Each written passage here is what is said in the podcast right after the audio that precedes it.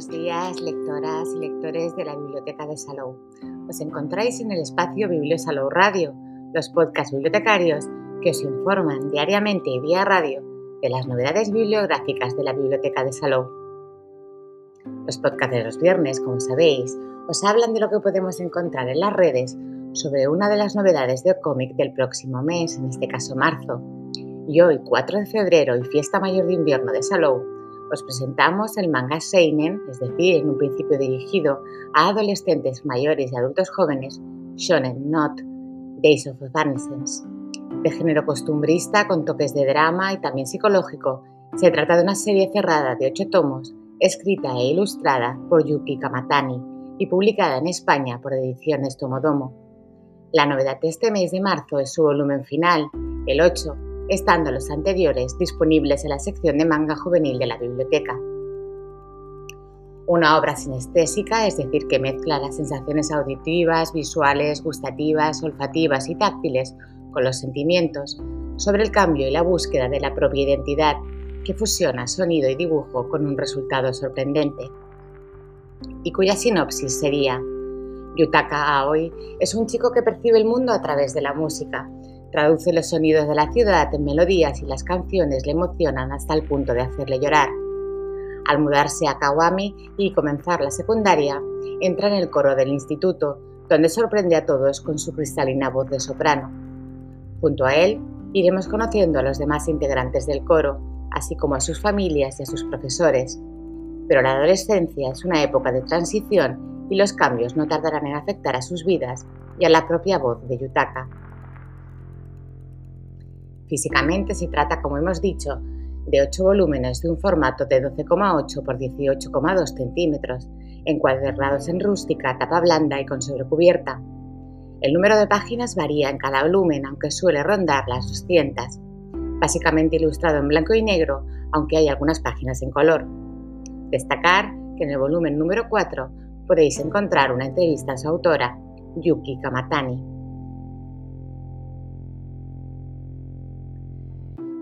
Contextualicemos pues también la obra y a Yuki Kamatani y su particular visión de ver el manga.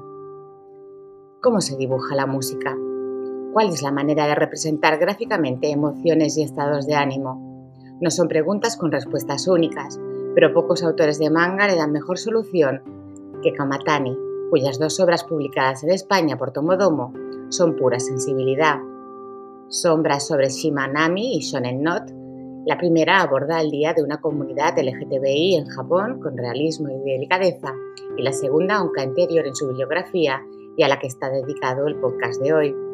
Sin duda, un, un dechado de sensibilidad y belleza a la hora de mostrar las inquietudes de un grupo de niños en el camino a la adolescencia.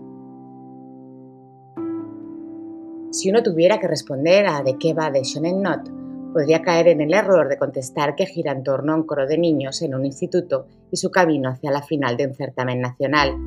Pero decir eso sería arañar apenas sus intenciones.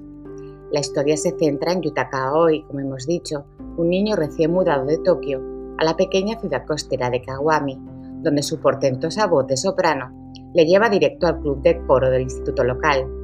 Aoi tiene una sensibilidad extrema para los sonidos, una melodía puede hacerle llorar, igual que un ruido puede agobiarle físicamente. Siente la música de forma sinestésica, a través de todos sus sentidos. Aoi es sin duda especial, pero comparte algo esencial con el resto de sus compañeros de coro. Todos abordan una etapa de cambio, con inseguridades sobre su futuro y dudas sobre su identidad. ¿Quién y cómo quiero ser en el día de mañana? se preguntan, en el más amplio sentido de la pregunta. En el caso de Aoi, solo sabe que su pasión es cantar, aunque no pierde de vista el reloj. Con la llegada de la adolescencia, a sus cuerdas vocales también, sus días de, soprano tienen fecha de caducidad. Kamatani anticipa en Shonen Not de forma transversal a través de sus personajes secundarios su preocupación por mostrar la diversidad de género entre niños y adolescentes, así como las dificultades que deben enfrentar para vencer prejuicios y ser quienes realmente quieren ser. En realidad, esta cuestión queda perfectamente integrada en el espíritu de la obra, que no es otro que, como reza el subtítulo del manga, retratar esos, días de evanescencia. tan fugaces como determinantes a la hora de conformar la vida adulta. Es por ello que podríamos decir que este manga funciona con independencia de la edad del lector y del género, pues es fácil empatizar con los anhelos de este grupo de chicos. Si el fondo y los valores de este título son sobresalientes, la forma es fascinante. Kamatani recurre a elaboradas metáforas visuales para dibujar la música o más bien la emoción que provoca. Aplica la misma receta al sentir individual y colectivo. Un ejemplo sencillo a la par que eficaz. En un momento en el que los chavales están emocionados ante la perspectiva de una importante actuación, los dibuja instalados entre nubes dentro del aula en la que ensayan el guion está también muy cuidado y pese a que en realidad nos encontramos con una gran cantidad de personajes, se matizan bastante bien las características y la forma de ser de cada uno de ellos, con unas personalidades muy marcadas, aunque cambiantes por su edad y según los estados de ánimo, pues recordemos que son jóvenes que están en plena adolescencia.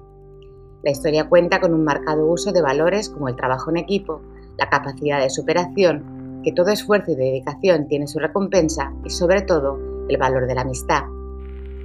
Con sus diferencias evidentes, si todos hacen piña, son capaces de conseguir grandes retos y superar los obstáculos que se les presenten.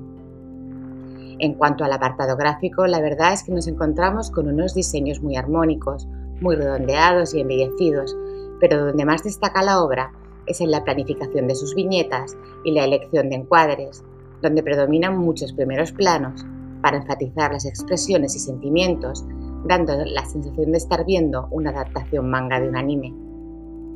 En cuanto al ritmo, es bastante tranquilo, cosa que quizás coarte a algunos a la hora de hacerse con él, pero sin duda, en conjunto es una obra de gran calidad.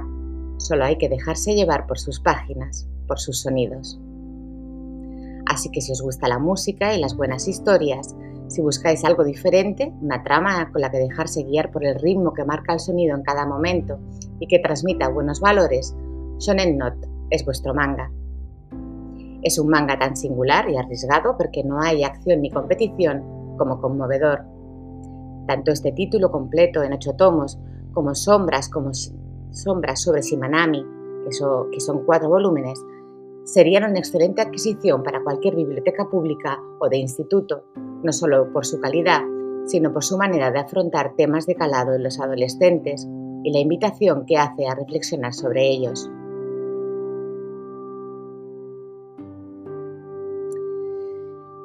Toca ahora hablar de su creador. Yuki Kamatani nace en Hiroshima, Japón, el 22 de junio de 1983. Es una persona japonesa de género no binario y mangaka profesional. Una de sus, obras más conocidas es Navari no la cual recibió una adaptación a serie de anime, así como también el manga Shonen Noto reseñado.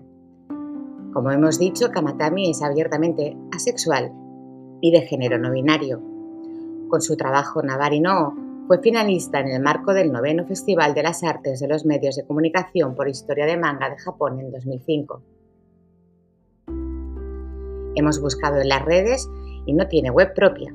Sí página en Facebook con su mismo nombre, no tiene perfil en Twitter y tampoco en Instagram, aunque en esta red social, bajo el hashtag Yuki Kamatani, encontraréis muchas de sus ilustraciones. En el catálogo Atena de las Bibliotecas Públicas de Cataluña encontraréis tanto sombras sobre Simanami como Shonen Not, no así en el Bibliocat, donde no hay ninguna de sus obras. Por todo lo comentado, nos gustaría finalizar el podcast con una frase de uno de sus tomos que les resume a la perfección. Hay tantas razones para cantar como personas, tantas como sonidos, grandes, pequeñas, inconscientes, consecuentes, que todas estas distintas formas de ser y pensar se unan para dar cuerpo a una misma canción es lo que hace de un coro algo tan interesante y divertido. Y hasta aquí el podcast de hoy pero tenemos más novedades de cómic que iremos descubriendo los viernes. Que tengáis muy buen día y muy buenas lecturas que os acompañen en el día a día y que sigáis disfrutando de la fiesta mayor.